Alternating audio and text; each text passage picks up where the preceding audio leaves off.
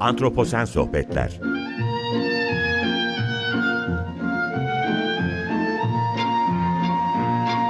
Hazırlayan ve sunan Utku Perktaş Antroposen Sohbetlere hoş geldiniz. Ben Utku Perktaş. Ee, bugün sanat ve antroposen dönem arasındaki ilişkiyi konuşacağım ama öncesinde çok kısa bir haber vermek istiyorum. Kaydı yaptığımız bu günler e, Doğa Koruma ve Milli Parklar tarafından ilginç bir haberin paylaşılmasıyla aslında karakterize oldu. O da 1974 yılında aslında sonuncusunu Anadolu'da gördüğümüz Anadolu Leoparı'nın, Anadolu Parsı'nın tekrardan ülkemizdeki varlığına dikkat çeken bir video yayınladılar. Kamera çalışmalarıyla bu özellikle kamera trap denilen hani doğada yapılan çalışmalarla elde edilen görüntülerdi bunlar. Hem video görüntüleri hem fotoğraflar.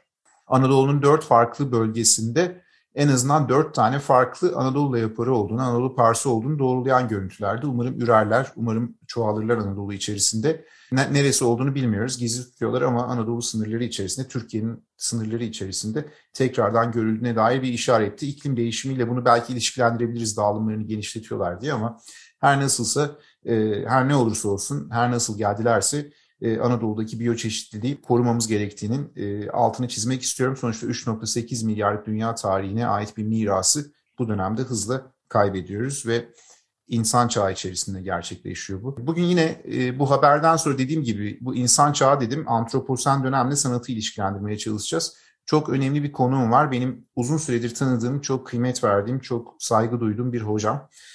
Hacettepe Üniversitesi Güzel Sanatlar Fakültesi öğretim üyesi Profesör Hüsnü Dokak'la beraber olacağız. Hüsnü Hoca'nın sanatla ilgili deneyimi çok. Ee, kendisi ressam. Ee, bizim Güzel Sanatlar Fakültemizin dekanlığını da yapmıştı. Ee, aynı üniversitedeyiz. Dediğim gibi çok da kıymet verdiğim bir hocam. Derslerine katılmıştım. Süreklilik sağlayamamıştım ama derslerde bana önerdiği bir kitap vardı. Oradan yola çıkarak ben de en azından müzeleri dolaşırken o cehaletimi gidererek biraz mantıklı bakmaya çalışmıştım o kitap sayesinde ve oradan bu söyleşiye doğru geldik. Ee, Hüsnü Hocam hoş geldiniz. Davetimi kabul ettiniz. Beni kırmadınız, vakit ayırdınız. Eksik olmayın. Nasılsınız? Sağ olun. Teşekkür ediyorum Utku. Hocam valla daha önce konuştuk. Yayın öncesi de konuştuk. Hani e, sıklıkla da ara ara buluşmaya çalışıyoruz. Pandemi süresince de bunu yaptık hep.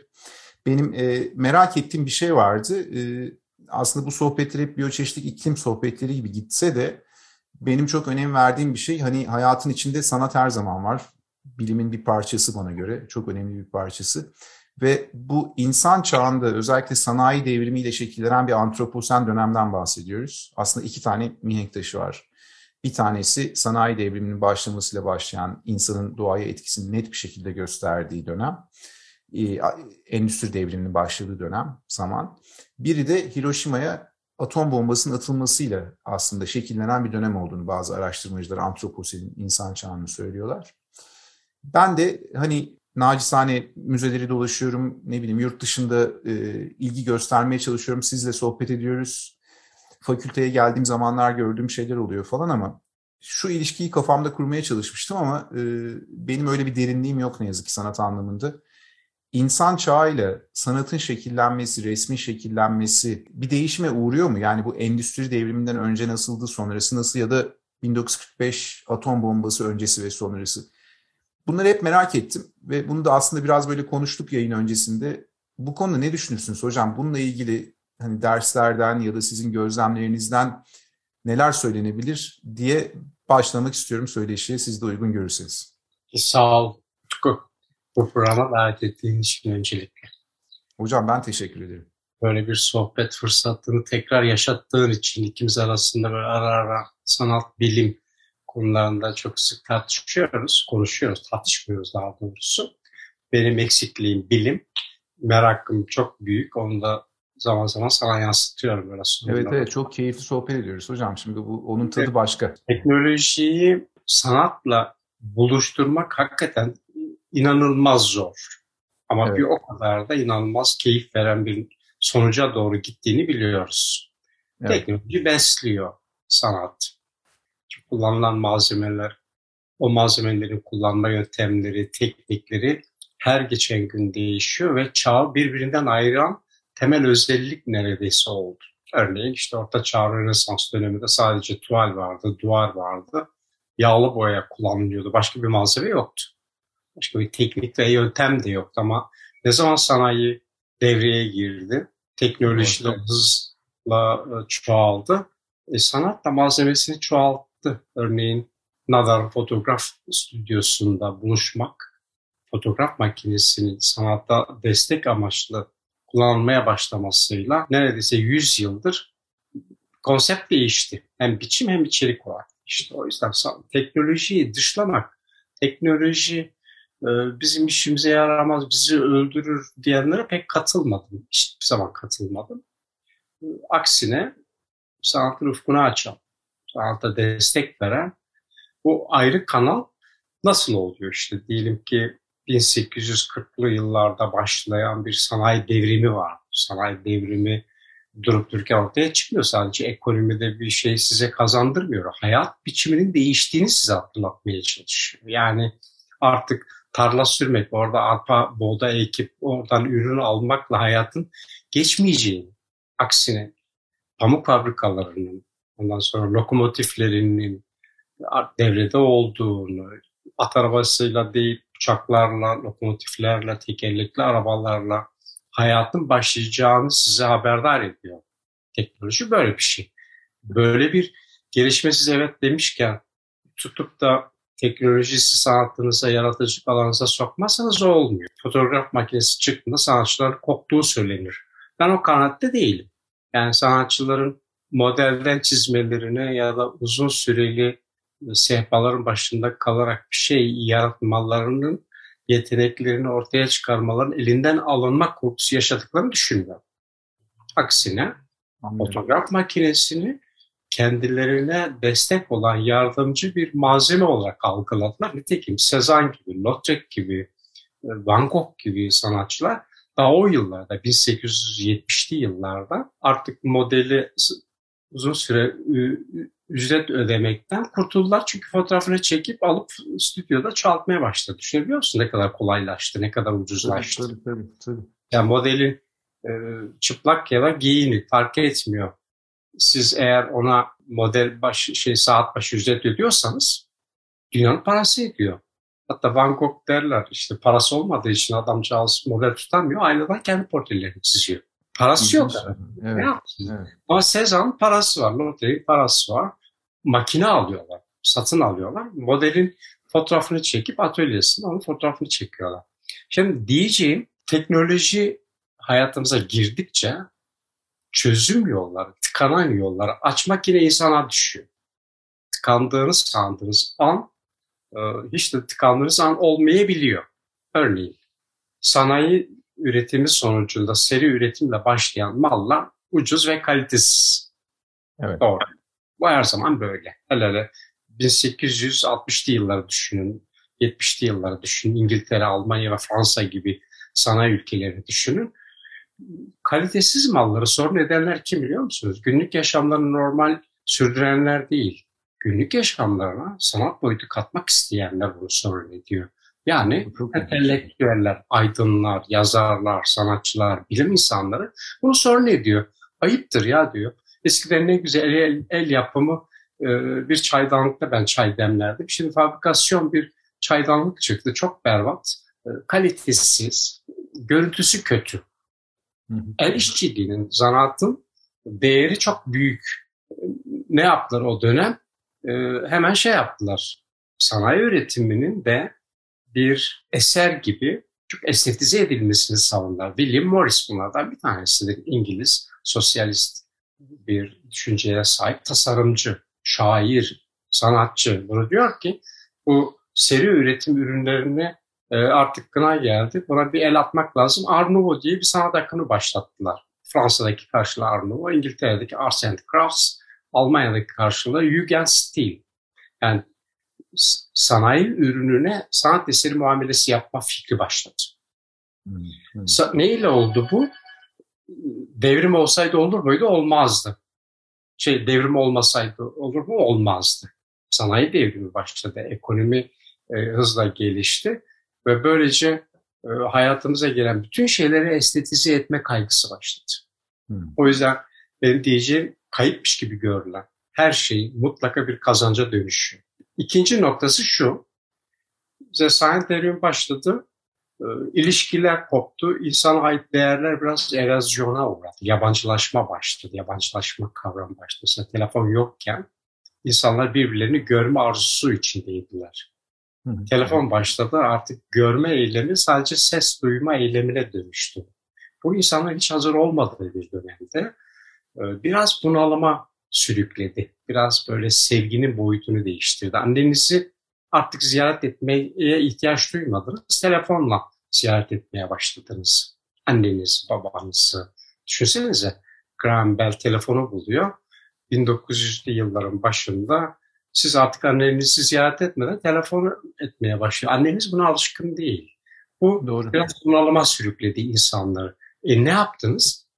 İnsanlar mutsuz olmaya başladı. Mutsuzluğu dışa vurmak sanatın arayıp da bulamadığı bir şeydi.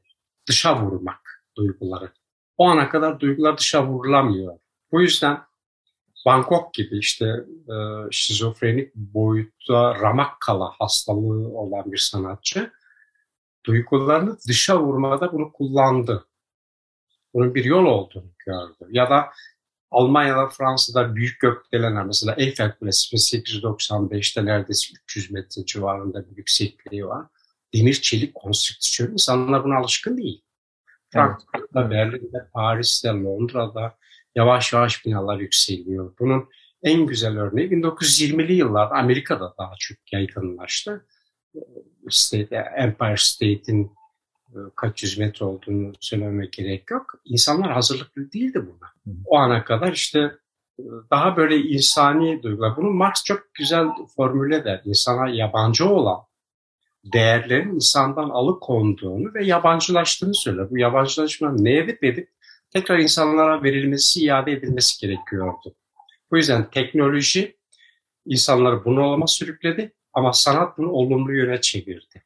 Hocam bir de şimdi hep mesela merak ettiğim noktalardan bir tanesi de şu. E, çevre problemleriyle çok iç içe bir dünya oldu artık. Hani insanın özellikle bu sanayi devrimi sonrası çevreye yaptığı zararlar işte bizim karşımıza çeşitli şekillerde çıkıyor. Ormansızlaşma, orman yangınları, efendime söyleyeyim pandemi yaşadık daha yeni. Bunun çeşitli benzerlerini yaşamıştık ama dünya geneli değildi. İlk defa hani benim de kendimin gördüğü hani bir 1920'lerdeki o e, grip salgını, İspanyol gribinden sonra böyle bir pandeminin bütün dünyada görüldüğü söyleniyordu. Şimdi sizce bu tür çevre problemlerini ressamlar, heykeltıraşlar ya da sanatçılar diyeyim genel olarak yoğunluğun artmasına bağlı olarak sanata yansıtıyorlar mı? Ya da bundan etkileniyorlar mı? Ya da bundan sonra sizce bu pandemi sürecinden sonra sanatın seyri de sanatçının ya da sanatçının çevre algısı ya da sanatçının sanatı algılaması ya da kendi sanatını yönlendirmesi de etkilenecek mi? Büyük ihtimal etkilenecek bence. İster istemez bir ilham kaynağı olabilir belki. Hani size böyle bir ilham kaynağı oluyor mu bazı şeyler? Düşünce sisteminizi değiştiriyor mu ya da sosyal yapıyı değiştiriyor mu bilmiyorum ama ne düşünürsünüz hocam bunlarla ilgili? Bunların örnekleri var mı hiç? Şimdi Utku hakikaten çok ilginç bir nokta bu. Sanatçılar ya da sanatçılarda eksik gördüğüm maalesef diyebileceğim bir mesafe mesafe koyuyorlar. Mesela bugün yaşadığımız COVID-19 pandemi dönemine benzer işte 1920'li yıllarda hatta Birinci Dünya Savaşı yıllarında İspanyol gribi onun çok öncesinde 16. yüzyılda var, 13. yüzyılda var, kara veba var, bir sürü kolera var. Evet, evet, evet. Böyle pandemiler var. Sanat tarihinde merak ettim. Ben de bu salgınların olduğu dönemde sanatçılar ne yapmış? Yapıtlarını hiç yansıtmışlar mı? Sadece Brügel'de gördüm. Ha, çok ilginç. Tabii 16. yüzyıl sanatçısıdır. Hollanda'nın böyle sıra dışı bir adamıdır Brügel. Veba nedeniyle gözlerini kaybeden insanlar, hayatlarını kaybeden ve toplu e, ölümlerin yaşandığı bir dönemde bunu yapıtlarına yansıtan nadir sanatçılardan biridir. Başkalarında bulamazsınız. Şu anlama geliyor. Belki bu dönemle kıyaslamak doğru değil.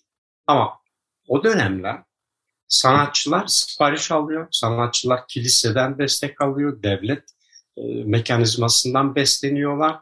Onların evet dediği konuları ancak işleyebiliyorlar. Muhtemelen pandemik boyutu olan bir hastalığın kamuoyuna doğrudan yansımasını çok istemiyorlar. Devlet istemiyor, yönetim istemiyor, kilise istemiyor.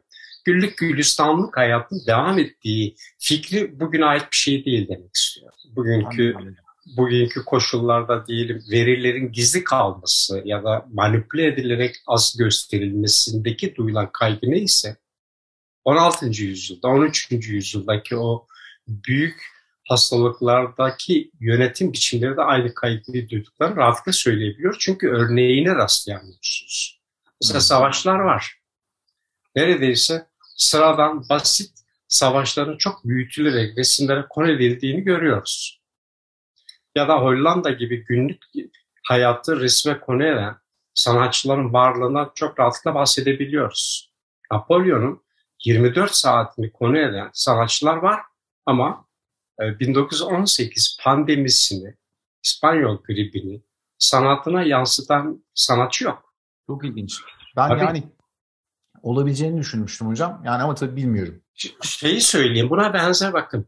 Paris, Fransa çok böyle çalkantılı bir yüzyıl geçiriyor. 19. yüzyıl büyük bir çalkantılı bir yıldır. Nedir? Mesela 1848 Komünist Manifesto kaleme alındığıdır.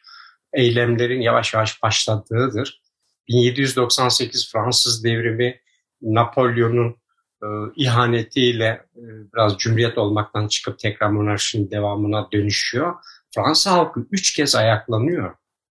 Hmm. 14. Louis Hanedanı'nın e, devrilmesi sonrasında kazanmak istedikleri Napolyon gasp edince Napolyon'a karşı ayaklanmalar başlıyor 1805 1830 yılları iki kez daha. Bakın bunu e, sanatına yansıtan çok fazla sanatçı yok. Birkaç sanatçı var. Napolyon'un arkadaşıdır bunlar. Jacques-Louis David, Napolyon'un dostudur. Delacroix, halka önderlik eden Hürriyet ismiyle resim yapmıştır. E, halkı Victor Hugo vari bir yöntemle tekrar e, ayaklanma duygularını kabartmıştır. Onun ötesinde 1871 Paris Komünü ayaklanmasında sokağa dökülen halkı resmeden ressam yok. Kim var biliyor musunuz? Manet gibi, Lautrec gibi, e, Renoir gibi zevkü sefa peşinde koşan insan resimleri yapmışlardı. Sokak meydanlarındaki ayaklanmalar değil, e, kent barlarında gecelerini eğlenceyle geçiren insanların resmi yapılmıştır.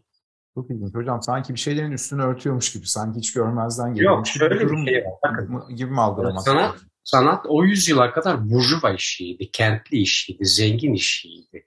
Yoksulların, muhaliflerin çok ilgi duyduğu bir alan değildir sanat. Hep böyledir. İnsanların profesyonel düzeyde yaptığı bir etkinliktir nihayetinde. Nadir birkaç örnek yok mu? Var tabii ki. Örneğin Caravaggio. 16. yüzyılda asir oldu. Kent alt kültürü üyelerinden biridir.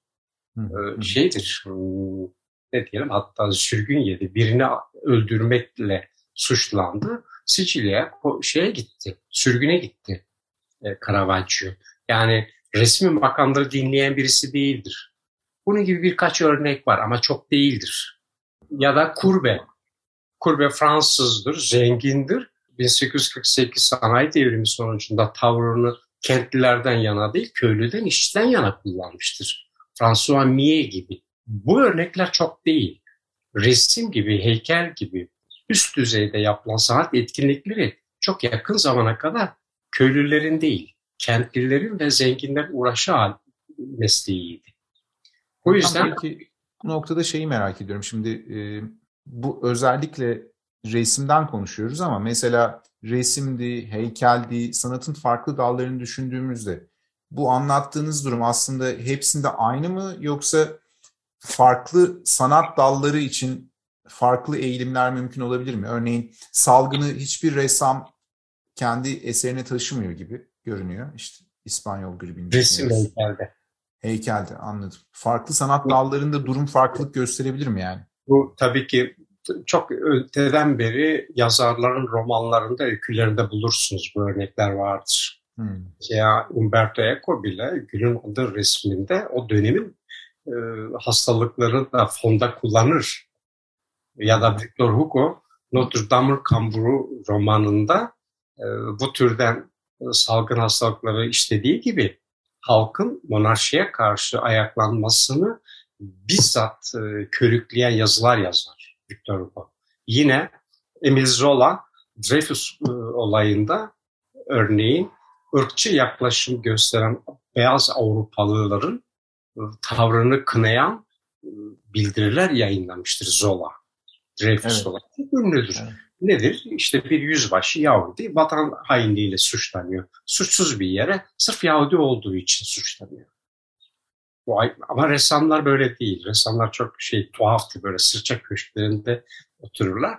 Tepeden bakarlar biraz böyle halka olaylara. Çok öyle şeydir. Ama bu zincir kırıldı.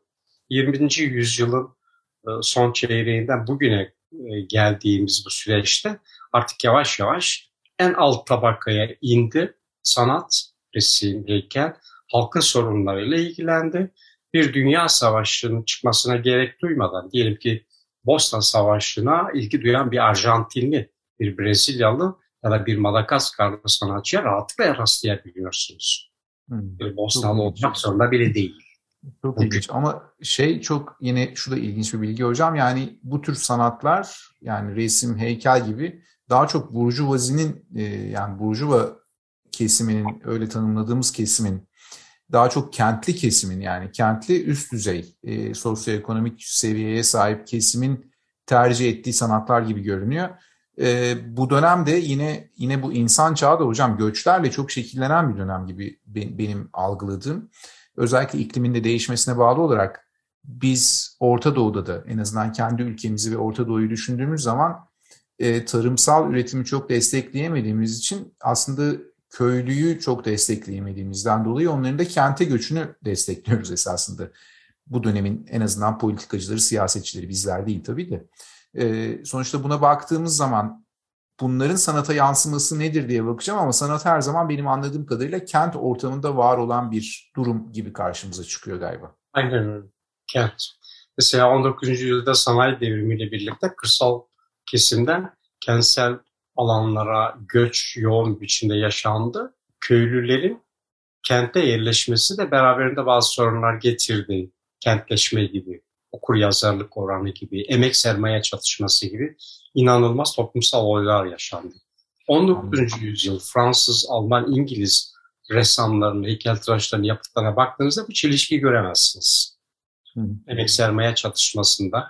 Mesela edebiyatta görürsünüz. Benim sol ayağım e, filmini ya da romanını izlemişsiniz orada vardır. Germinal'de görürsünüz. E, Germinal romanında bunları görürsünüz ama resimde Kurbe gibi, Mie gibi birkaç sanatçıda görürsünüz.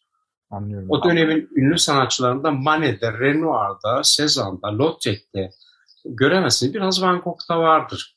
Alt tabaka insanların çilelerini, e, yoksullarını görürsünüz. Domier'de de görürsünüz ama çok değil. Anlıyorum hocam. Hocam çok teşekkür ediyorum. Süremizin sonuna geldik. Ben son olarak size e, genel olarak şeyi soracağım. Yani hep e, bu tür söyleşilerde ben iklim ve biyoçeşitliğe de, değiyorum, değiniyorum. Onlara bir noktada değinmeye çalışıyorum. Bir sanatçı olarak siz içinde olduğumuz bu iklim krizini nasıl algılıyorsunuz diye soracağım. Bir pro, büyük bir problemin içerisindeyiz esasında ve hayatımızı çok etkiliyor. Dolayısıyla biyoçeşitlik kayıplarıyla da şekillenen bir dönem. Ee, ben her programda biraz dile getiriyorum bunu. Ee, farklı söyleşiler yapsam da. Bu konuda bir fikrinizi alayım. Sonra da yavaş yavaş programı kapatacağım.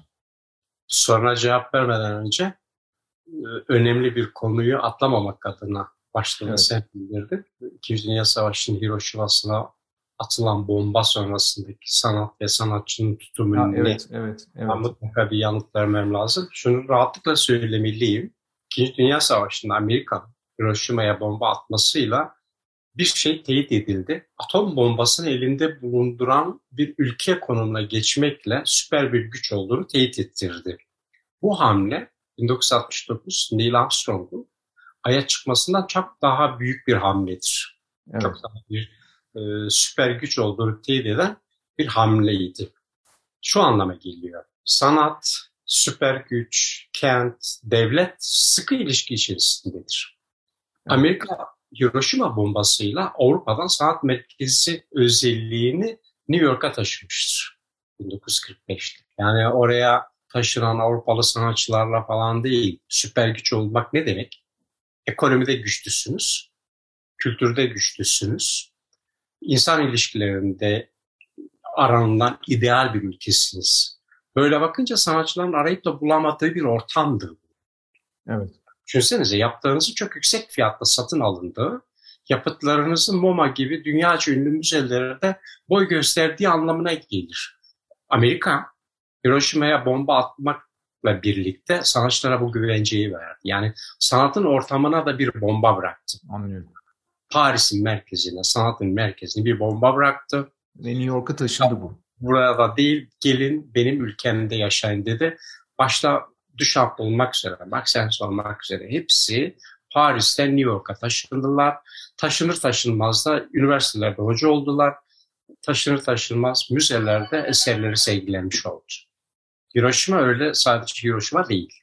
Anlıyorum. Kültürel zenginliği değil. Şimdi bugünkü pozisyona gelince. Bugünkü pozisyon ne? Dedim ya artık alt kültürden insanların hayatlarına eğilen sanatçı tipi yetişti. Alt tabakada insanlar köylüdür, işçidir, emekçidir. Ya da zengindir, kentlidir, fark etmiyor. Bu aralardaki sınır kalkmış oldu. Biraz global ekonomi, biraz, biraz liberal ekonomi, biraz e, hümanizmanın başka bir boyutu. Ne derseniz deyin adına. Ama 19. yüzyıla kadar gelen dönem değil artık. Bütün halkların, bütün tabakada insanların ilgi gösterdiği, sanata ilgi gösterdiği, anladığı, anlamaya çalıştığı bir sürece giriyoruz. Böyle olunca da sanatçılar artık e, o yöne doğru konularını seçmiş oldular. Örneğin feminizm çok yaygınlaştı. Cinsiyetçilik bir sorun, toplumsal sorun. Cinsiyetçiliği ile evet. kadın ya da erkek fark etmiyor. Ya da ırklar arası bir sorun, global bir sorun. Irklar arası sorun işleyen sanatçılar çoğaldı. Umarım Hocam, soruya cevap vermişim. Yo yo yo çok güzel oldu. Çok akıcı bir sohbet söyleşi oldu. Eksik olmayın katıldığınız için. Ben tekrardan vakit ayırdığınız için çok teşekkür ediyorum hocam. Evet. Bu vesileyle tekrardan görüştük, burada görüştük. Umarım devam ederiz bu tür söyleşilere. Evet. Ben dinleyicilerimize de iyi akşamlar diliyorum. Antroposen Sohbetler önümüzdeki günlerde benzer söyleşilerle iklime biyoçeşitliliğe dokunduğumuz, biraz kapsamı genişletmeye çalıştığımız söyleşilerle devam edecek. Hoşçakalın, iyi akşamlar.